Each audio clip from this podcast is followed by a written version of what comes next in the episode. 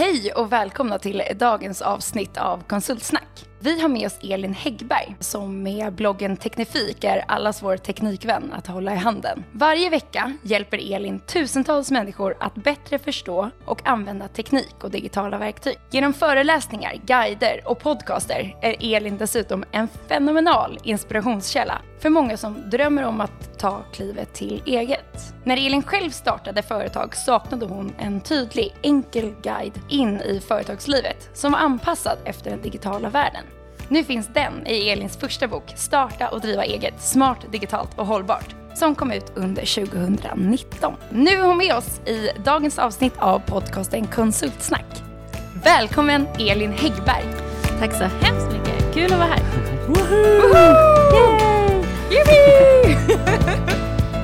Hej Elin! Hej! Vad kul. Jag vet ju, om jag börjar med, att du definierar inte riktigt dig själv som konsult. Vad skulle du säga är ett lite mer passande namn, eller epitet, på dig? Ja, men jag, alltså helt ärligt så kan jag ibland vara sådär, jag vet knappt typ vad konsult betyder, eh, utan, eh, men det som jag liksom förknippar med konsult är ju ändå att man liksom jobbar mycket på uppdrag av andra, liksom, att man eh, kanske sitter på ett företag eller jobbar med deras grejer, liksom. Det gör ju inte jag jättemycket, utan det jag, jag säger väl snarare i så fall att jag är frilans.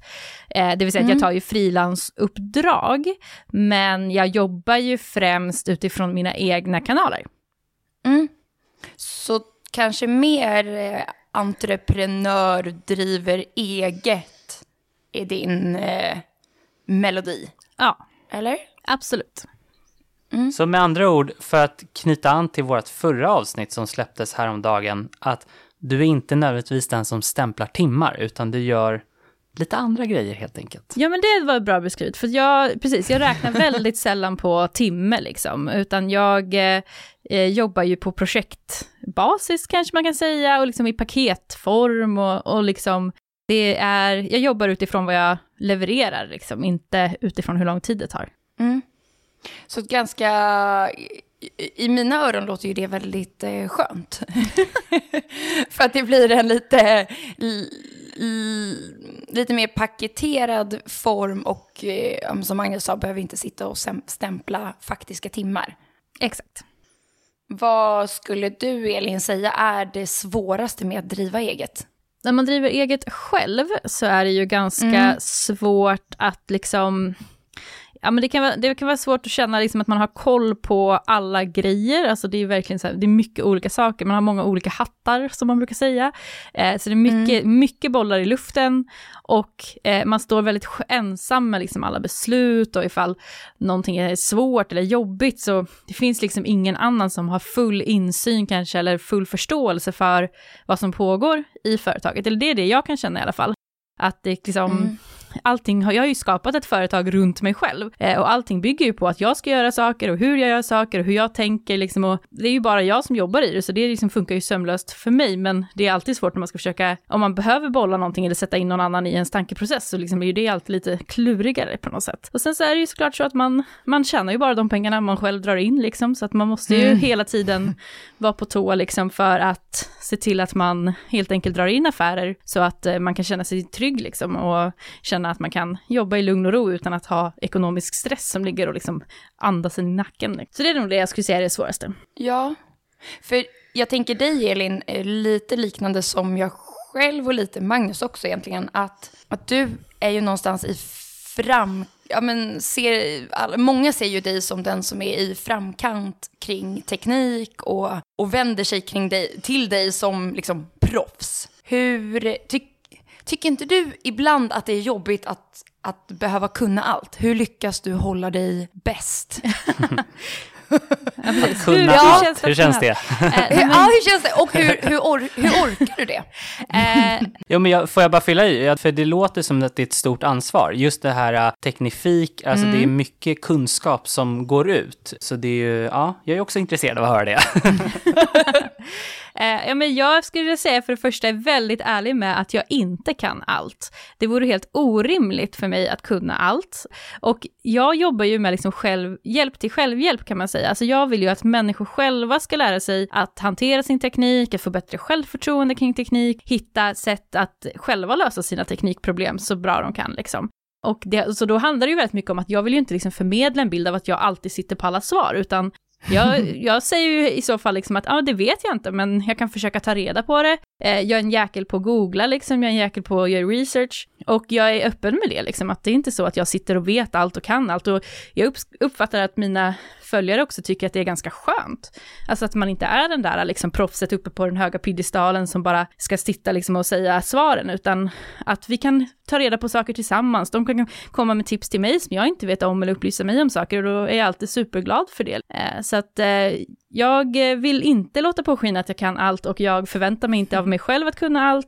Och jag eh, tror att det, man ger mycket till andra också genom att vara öppen med hur man faktiskt tillskansar sig den kunskapen som man har. Jag skulle säga att det precis det du säger Elin, det, det syns ju verkligen i dina kanaler. Och det är ju verkligen den, den känslan man får av dig. Att du är liksom genu, genuint generös med vad du kan och att du delar med dig av det. Ja, men jag tror att kunskap, alltså när man delar kunskap så växer ju kunskapen.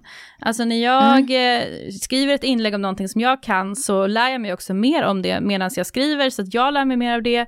Och om jag lär ut saker till andra så lär de sig mer och sen kan de lära mig saker tillbaka och liksom jag tror bara att det är, alltså jag har aldrig upplevt att jag har liksom gett bort någonting värdefullt från mig själv genom att dela med mig av kunskap. Och det enda som händer är ju att folk tycker att jag kan mycket. Och eh, det har ju bara gynnat mig i mitt företag liksom. Så att jag, inte, mm. jag tycker att eh, man, fler borde dela med sig av det de kan faktiskt.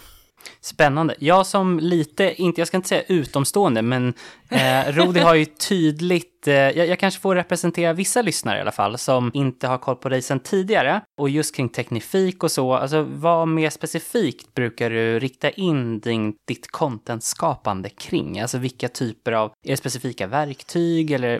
Ja, men jag förstår precis frågan. Jag eh, ska brukar ju säga att min blogg handlar om vardagsteknik, så att jag fokuserar ju på den tekniken som vi möter i vardagen och liksom den tekniken som så kallade vanliga människor kan relatera till. Eh, jag riktar mig inte nödvändigtvis till liksom tekniknördar, utan jag riktar mig till vanliga människor eh, och kanske framförallt till personer som snarare upplever att tekniken är lite jobbig och krånglig och svår eh, och gärna vill liksom, ja, men få ett enklare och roligare digitalt liv som jag brukar säga. Och eh, då kan det ju vara liksom, det är ju mobiltelefoner, det är datorer, det är kameror, det är eh, saker för hemmet, inte liksom hushållsteknik så mycket, eh, men liksom ändå det som kanske hör mer till det smarta hemmet eller sådana saker. Men det är ja, allt som passar in i vardagen på något sätt. Det är sånt som jag är intresserad av. Och eh, sen så har ju jag väldigt en ganska liksom, tydlig bild av den målgruppen som jag vill rikta mig till. Och det är ju mycket personer som är kreativa, som vill skapa grejer och liksom använda tekniken som verktyg för det. Och det, där kommer du in liksom också då program och tjänster och det är sociala medier och det är liksom Adobe-sviten och göra film och liksom fotor, ja men alla de bitarna. Men inte då riktat till eh, de professionella eller liksom de som är nördigast av alla på de grejerna, utan riktat till eh, även till vanliga människor. Mm. Vad skulle du säga, Elin, är din USP? Ja, men jag tror att min USP är att jag är inte ingenjör, jag är inte tekniker, eh, utan jag är kommunikatör. Eh, jag är ju liksom utbildad inom radiojournalistik och digital mediedesign, mm. medie och kommunikation liksom. Så att Eh, jag är bra på att förmedla saker på ett bra sätt. Eh, och det tror jag är det som gör att jag skiljer mig kanske från många som andra tekniksidor där det handlar väldigt mycket om att vara bra på tekniken, att liksom vara nördig på tekniken mm. och väldigt insatt och väldigt djupgående liksom, medan jag är intresserad av att genuint då försöka lära människor saker eh, och förmedla saker på ett enkelt sätt. Så att jag har väl med mig både liksom det där kommunikativa och lite kanske det pedagogiska också och att det handlar inte om att jag som sagt, det handlar inte om att jag vet mest om teknik, utan det handlar om att jag kanske är bra på att förmedla det på ett sätt så folk kan ta till sig det. Eh, och eh, det tror jag är det som har varit min styrka. Och det är det jag märkt, har märkt också att det finns ett behov av. Att man behöver personer som faktiskt kan berätta om också så här tekniktrender, eh, den senaste liksom utvecklingen och forskningen och digitaliseringen och AI och robotar. Det behövs någon som kan prata om det på ett sätt så att vanliga människor kan relatera till det. Och inte bara liksom forskarna som bara kan prata om sin lilla, lilla del eller de som är superinsatta och är på en helt annan nivå, utan att man kan ta det på en nivå som faktiskt eh, de flesta personerna ändå kan förstå vad det handlar om. Coolt. Det är en sak som jag har, och varför jag tycker att Elin också är väldigt inspirerande, är för att Elin, nu pratar jag om Elin i tredje person, när Elin är med, Elin bara, ja, Så Elin jag är är med här. oss nu. Elin är här. Nej, men som em, Elin, när du gick ut eh, och ganska tidigt under eh, ja, men, coronakrisen och pratade om, ja men det är lite, det är segt på grund av det här och eh, det här är saker som man kan göra just nu och eh, liksom, du tog upp konkreta exempel på, på vad du som egenföretagare inte passade på, men som du tog tag i just nu.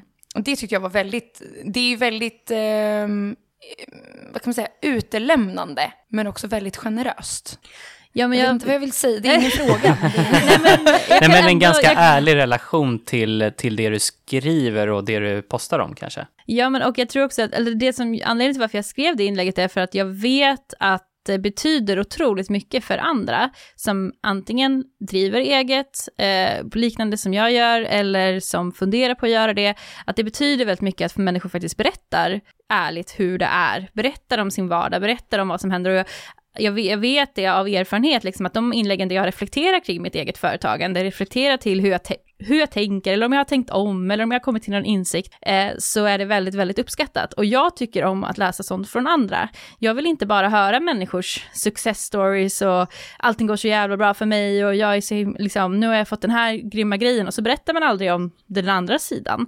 Eh, alltså, vi är ju alla människor någonstans och jag tror att ju ärligare bild vi kan ha av hur det är att driva företag, desto troligare är det ju också att människor kommer faktiskt våga göra det och våga satsa på det och att det kan vara väldigt skönt att höra att någon annan också har det kämpigt under en global pandemi till exempel. eh, och framförallt så kände jag väl också att jag jag ville inte att, eh, jag ville inte att människor skulle liksom gå runt också, alltså de som driver eget, att de skulle gå runt med den här känslan av att säga, men jag inte är jätteinnovativ nu och lyckas göra om min, hela min affärsmodell och liksom ska, vi, liksom ska vara den där som skriver på LinkedIn att ah, den här motgången blev min stora framgång. Eh, utan man bara känner så här, jag känner mig jättestressad, jag mår jättedåligt, mina, någon i min närhet kanske är sjuk, liksom. allting känns superjobbigt. Att bara vara så här, det är okej, alltså det är verkligen okej. Det är inte ett prestationsrace, det är en global pandemi och det är okej att tycka att det är jobbigt, det är okej att så här, bara typ lägga sig ner och ta det lugnt tills det har blåst över eller liksom acceptera att saker har förändrats och bara göra något annat. Alltså det är liksom, jag ville bara ge människor den, den ron i själen att det är okej.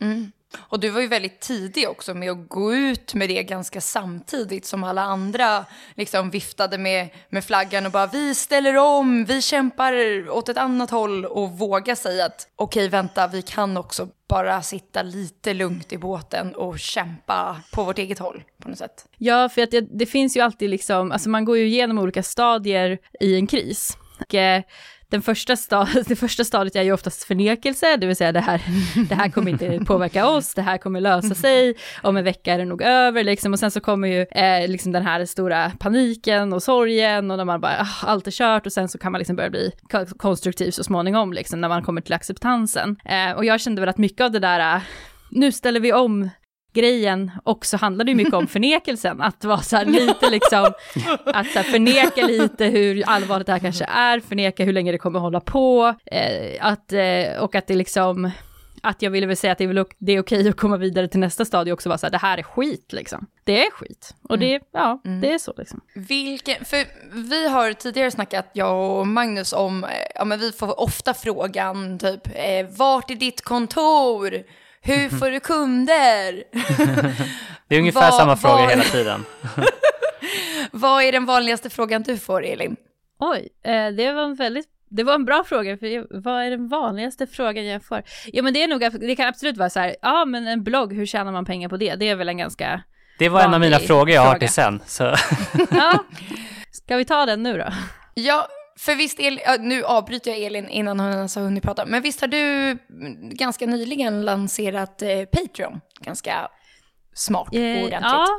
ja, men det var lite en av mina sådana grejer som jag passade på att göra när Mm. coronan slog till.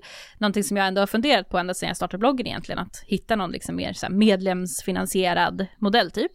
Men eh, det var en sak som, var de, som jag liksom eh, passade på att göra då när eh, coronan slog till, någonting som jag hade funderat på ända sedan jag startade bloggen, att hitta någon mer som medlemsfinansierad modell. Sen vet jag inte, alltså det är ju svårt det är svårt med Patreon i Sverige, det är inte jättelätt. Det har varit mycket jobb och eh, liksom intäkterna från det är ju verkligen liksom, det, det är inte där eh, liksom det ligger om man säger så, det är inte därför jag egentligen har fortsatt med det heller. Eh, utan det handlar ju om att på något sätt försöka hitta ett sätt ja, experimentera egentligen och se vad, för, vad, vad skulle jag kunna hitta på för att knyta tajtare kontakter med liksom min målgrupp, för att kunna erbjuda mer djupgående innehåll och för att kunna lägga mer tid på att skapa innehåll och min, liksom, så att inte all tid försvinner till andra uppdrag liksom. Men om vi ska liksom då gå igenom lite vad mina olika sådana mm. ben liksom är i företaget, mm. så är det ju så att jag har ju då eh, min blogg som är liksom basen i det jag gör och där gör jag ju en, en del liksom så här reklamsamarbeten, men inte jättemycket, men jag gör en del. Och, eh, och det sträcker sig ju ofta, när jag gör samarbeten så kan det ju vara liksom över bloggen, min YouTube-kanal och sociala medier, oftast i ett paket liksom. Eh, och jag är väldigt kräsen med vilka jag samarbetar med, så att jag vill inte samarbeta med liksom eh, vad som helst och jag vill inte heller göra samarbeten om liksom som är så produktrecensioner och sådana saker, utan eh, recensioner och tester och sånt, det vill jag ju liksom hålla fritt så att säga. Mm. Så att jag kan känna mig fri att skriva exakt som jag vill eh, och inte liksom känna att jag står i skuld till någon företag, att de ska betala mig. Jag tycker det blir väldigt konstigt konstigt bara, eh, om man skulle göra recensioner som betalade samarbeten. Så det är ju en del. Och sen så ah, föreläste jag väldigt mycket. Så det är ju också en stor del i liksom kakan. Och det var ju det som blev lite problematiskt då när coronan slog till. Eh, men jag brukar åka runt och föreläsa. Det kan vara liksom för skolor, det kan vara både för elever, det kan vara för lärare. Eh, det kan vara öppna föreläsningar för allmänheten, det är konferenser, det är företagsevent, alla möjliga olika grejer. Och det jag brukar föreläsa om är också ganska blandat, men det handlar ofta om digitalisering, liksom hur digitaliseringen påverkar samhället, hur di digitalisering och teknikutvecklingen påverkar olika branscher, eh, om framtiden, om sociala medier, influencers, influencer marketing. Så ganska blandat liksom. Shit. ja, väldigt brett. och Ja, verkligen superbrett och jättekul. Ja, men det är ju det är, det är väldigt tacksamt i föreläsningsbranschen mm. att vara bred. Ja. Och eh, jag gör ju, kan ju liksom skräddarsy ett upplägg lite beroende på vad, vad de efterfrågar så att säga och, och utifrån målgruppen. Eh, men det behövs ju ofta, det är ju många, men det är många som vill liksom, man vill ju gärna att eh, kunna ge kanske då sina medarbetare eller sina deltagare eller vilka det nu är, både pepp och inspiration och liksom en bild av framtiden som är lätt att ta till sig. Eh, och jag tror att många gillar också att jag har ju ändå trots allt en ganska positiv syn också på utvecklingen. Alltså eh, eh inte att jag är okritisk, men att jag liksom, jag vill ju ändå vända liksom, vända det mot att så här, vi kan påverka saker så att det kan bli en positiv framtid. Liksom teknik är någonting som alla kan använda som, för att göra sina idéer till verklighet, eh, liksom hitta de här positiva exemplen på vad tekniken kan bidra med. För det är ju många som sitter med en känsla av att så här, tekniken bara händer oss, tekniken bara leder mm. samhället åt fel håll håll och allting blir dåligt samtidigt som man liksom känner sig helt maktlös att kunna påverka någonting och därför också bara accepterar att allting blir så. Och det är väl det jag försöker liksom förmedla i mina föreläsningar, liksom att det finns en, det kan, det kan finnas en positiv framtid också. Det handlar ju om vad vi väljer att göra liksom och försöka ge människor den peppen liksom. Mm. Kanske svår fråga, men eh, top of mind roligaste gigget du har haft? Oj, det var en jättesvår fråga. Jösses. Roligaste giget jag har haft. Uh, men jag tycker jag gör mycket roliga gig hela tiden, så det är ju verkligen så svårt att bara välja något sådär. Men jag hade en, det var ett, ett roligt gig. Jag var keynote speaker på Good Tech Conference i Sundsvall och pratade om AI. Uh, eh, och det var väldigt mm. kul för att det var en otroligt härlig konferens. Alltså det är så skönt ibland att bara komma bort från eh, storstäderna, komma bort från Mellansverige. Liksom kom, det var en sån otroligt, vad ska man säga, härlig stämning på den konferensen generellt. Eh, och jag upplevde att det var en väldigt öppen stämning, var en väldigt liksom, positiv stämning. Det var jättekul att få göra den föreläsningen som kändes liksom som ett seal of approval på något vis för mig, att liksom att få ett sånt fint uppdrag. Ja, det var, jätte, det var jättekul. Så det var i alla fall ett av många roliga uppdrag som jag har gjort. Eh, men ja, ja, det är verkligen så här, just när det gäller föreläsningar så kan det verkligen vara sådär vissa sammanhang man kommer till som bara står ut för att det är så otroligt kul och alla man träffar där och det är liksom väldigt roligt. Jag har ju också, till min podcast så har jag intervjuade jag Max Tegmark om AI Um, mm. Och det var också väldigt Coolt. kul för att han är ganska eftertraktad som person. Och ja, men jag hade en ganska chill inställning till honom, vilket jag tror att han uppskattade. jag var inte så himla idoliserande, jag var ganska tydlig med vad jag var intresserad av att prata om. Liksom. Och han tyckte det var lite kul. Och eh, det var ett roligt samtal och det var en kul möjlighet att få. Liksom.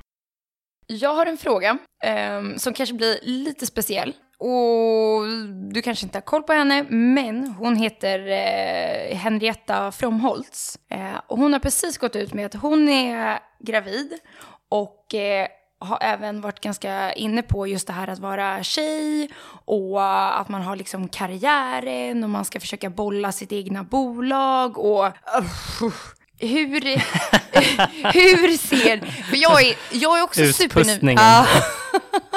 ja, men det är, det är ju liksom bokstavligen inte helt lätt kanske att bolla, att någonstans försöka hitta någon typ av mammaledighet, eh, få sin bolagsbebis och fortsätta växa. Hur, har du någon tanke där, Elin? Hur, hur går dina tankar kring två bebisar? Ja, alltså, det ska vi börja med att säga att jag har en väldigt, eh, alltså inställningen för mig till att jag driver mitt företag och kring mitt företag generellt, är väldigt mycket att så här, mm. jag lägger ingen liksom, jag lägger väldigt lite av min känsla om mig själv i företaget. Alltså det vill säga, jag knyter inte upp liksom hela mitt liv och mitt värde och mitt allt i hur det går för företaget. Och jag har egentligen aldrig haft någon sån jättestor ambition att jag ska växa och öka min omsättning jättemycket och bli rik och framgångsrik och ha anställda och bygga ett mediehus. Det har liksom aldrig varit min grej, utan anledningen till varför jag gör det här är för att så här, jag vill jobba med det som jag tycker känns kul och värdefullt och det här är det sättet som jag har kunnat göra det på. Det har varit jätte, jag känner mig jätteprivilegierad som kan göra det. Eh, men jag är samtidigt så här, om det skulle kännas på något annat sätt så är jag liksom helt öppen för att bara lägga ner och göra något annat.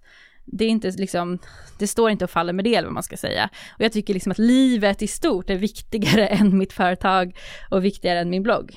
Så att eh, det har liksom alltid varit min inställning och det gör också då saker ganska enkelt när det gäller då att så här, ja men okej, okay, skaffa barn då känner jag så ah, men det, är ju, det är ju någonting helt annat, det är ju liksom en livsgrej. Och, eh, om det visar sig att jag vill vara föräldraledig ett år och i så fall behöver säga upp mitt kontor eller lägga ner bloggen, inte vet jag, så skulle jag vara så ja ah, men då är det ju så. Det är inget konstigt med det liksom. Min förhoppning är ju såklart att jag ska kunna fortsätta eh, driva företaget, jag ska kunna liksom bolla de här sakerna, men jag är samtidigt öppen för att man har ingen aning om hur det kommer kännas när det väl är dags liksom. Så att eh, jag eh, försöker ha ett öppet sinne, så kan vi väl säga. Alltså en rimlig övergång under bebisperioden borde ju vara att gå all in på teknisk innovation för bebisar. Vad tror du om det? Att bara skriva om. Nej, usch. Eh, nej men det är verkligen... det är verkligen inte, alltså ja, det har jag verkligen lovat både mig själv och mina läsare att så här, min blogg kommer, all, min blogg har inte varit en gravidblogg, den kommer inte bli en mammablogg. Sen är det klart att det ligger fortfarande i min målgrupp, alltså min största målgrupp är ju kvinnor 25 34 år, så jag menar det ligger ju i målgruppens intresse också såklart, eh, vissa grejer mm. eh, kring det. Men det kommer nog fortfarande vara ganska liten procent av helheten liksom. Jag, har, jag försöker ändå separera ganska mycket på just så här, mitt privatliv och mitt professionella liv och eh, jag, när jag också, när jag blev gravid så eh, berättade jag öppet på bloggen också att det var inte en, det var inte en liksom, det var ingen slump, utan det var en ganska lång process som ledde fram till den graviditeten och eh, ofrivillig barnlöshet och eh, IVF-utredning och sådana grejer. Och jag ville vara öppen med det att liksom, jag vet hur det känns när personer man följer på sociala medier eller bloggar helt, liksom kommer ut med sin graviditet och så helt plötsligt börjar, börjar allt bara handla om graviditet och sen handlar det bara om eh, bebisar och, och familj och mm. så här. Mm. Och jag vet hur jobbigt det kan vara och speciellt om man följer en blogg som min blogg som är väldigt nischad och som liksom har en tydlig inriktning, då vill man ju inte att den bara ska plötsligt förändras. Så att jag skrev, har inte skrivit om min graviditet förrän nu då, när jag snart ska föda barnet. Mm. Bara för att liksom jag insåg att så här, det kanske är bra för folk att veta att det här kommer hända nu. Eh, speciellt nya följare också, annars kan det komma som en totalchock. Men, men på, på det viset också kan jag ju känna då att då kommer ju inte heller, alltså på samma sätt som jag skriver väldigt lite om mitt privatliv generellt på bloggen, så kommer jag ju inte heller skriva så mycket om mitt familjeliv, även om jag vet att jättemånga vill läsa det. Alltså det är jättepopulärt content, folk älskar det.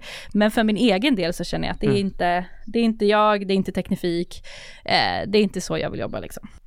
Det är spännande hur du säger, för som utifrån så tycker ju jag att, eh, att, att du, Elin, som person är, är varumärket och liksom, alltså du som person är, eh, är vad du står för.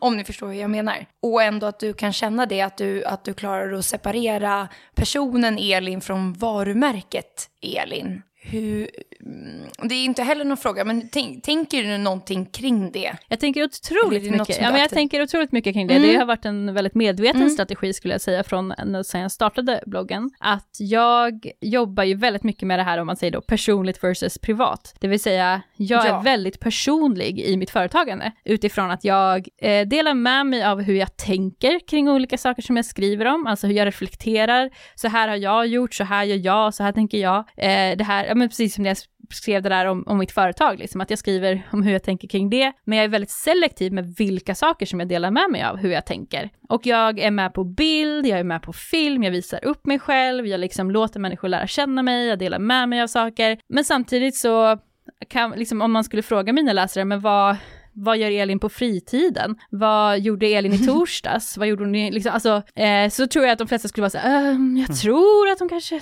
spelar tv-spel, jag vet inte. För att det är liksom, jag delar inte med mig av det. Och jag, när jag liksom är på min fritid så att säga, så är jag ganska, alltså då lägger jag väldigt sällan upp saker på sociala medier. Jag är ganska liksom offline generellt.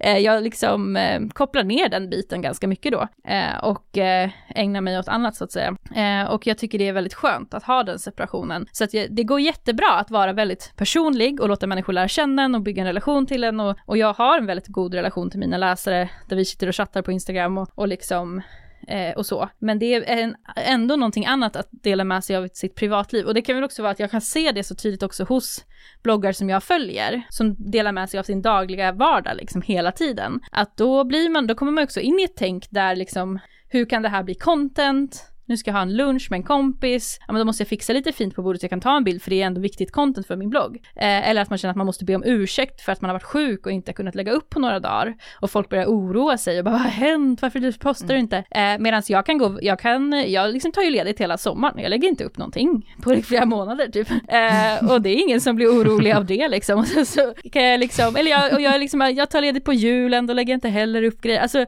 jag tar verkligen, jag kan verkligen ta ledigt från mina sociala medier och det, jag tror inte ens att mina följare egentligen reflekterar så mycket över det för att jag publicerar liksom inte på det sättet. Och jag behöver aldrig fundera på när jag äter lunch med en kompis eller gör någonting mysigt att så här, det ska bli content, för det är inte mitt content. Magnus, det där kopplar ju lite till det som du har sagt förut. Att du är glad för att du inte är känd. ja, men att ingen vet uh, vart du är någonstans om du säger att du är, är någonstans. Ja, för då, ja det stämmer. Fast jag hade också önskat vara känd har jag insett. Så det hade varit så mycket lättare till Det här var ganska kul att bara träffa folk på stan. Typ som David som berättade i ett tidigare avsnitt att folk faktiskt kommer fram till honom på stan. Jag gillar den tanken av att folk faktiskt ska komma fram till mig och bara “Tjena, är inte du från Konsultsnack?” Nu är det i och för sig svårt för de hör ju bara min röst. Men de kanske hör mig prata vid någon busskur eller något och bara “Det måste vara han”. Alltså det skulle vara nice tycker jag. Så, så jag skulle gärna vara känd som svar på din fråga. Fast du vet ju att det där händer mig jätteofta. Folk kommer fram till mig och jag bara “ha” och de bara “är inte du min mormors kusin?” och jag bara “nej”. Du har ett sånt där utseende. ja, Ja. men jag är aldrig någons. Jag tror också att det är väldigt abstrakt Är inte du Summer Josie?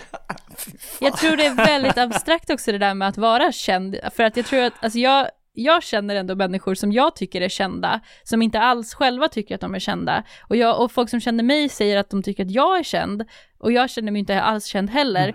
Så jag tror att det är väldigt få kända människor som går runt och känner sig så kända, om man säger så. För att man kan vara liksom, alltså visst man kan prata om så här, A-kändis, B-kändis, bla bla bla, men jag tror att många som man själv tänker så här, men den personen är ju känd liksom. De går ju också så här till ICA i någon noppig mössa och liksom känner sig som en vanlig person, vem som helst. Och sen så, de flesta, allting går ju i cykler liksom, ja men, ja nu är jag med På spåret, absolut, nu kanske folk tänker på mig. Men sen kanske det har varit fem år där man inte har gjort något speciellt alls, och ingen har brytt alltså, liksom, Så jag tror att det är otroligt abstrakt det där med att vara, att uppleva sig själv som känd. Ja, och folks attention span har ju minskat också, så det blir ju verkligen en ytterligare effekt på det. Att även om någon är superkänd här och nu, så det kan ju faktiskt gå typ ett år och sen är det folk som bara kommer ihåg någon som, just det, det var den personen som, ja men, var med På spåret. Året eller vad vet jag. Och att det är så Ja, många som så är också så kända i små grupper. Alltså, Ja. man kan ju vara känd i sitt eget crowd, liksom om man tänker att så här, man kan ju se till exempel ibland så att det händer att man bara ser att massa, massa barn står och typ stirrar på någon, och man bara, vem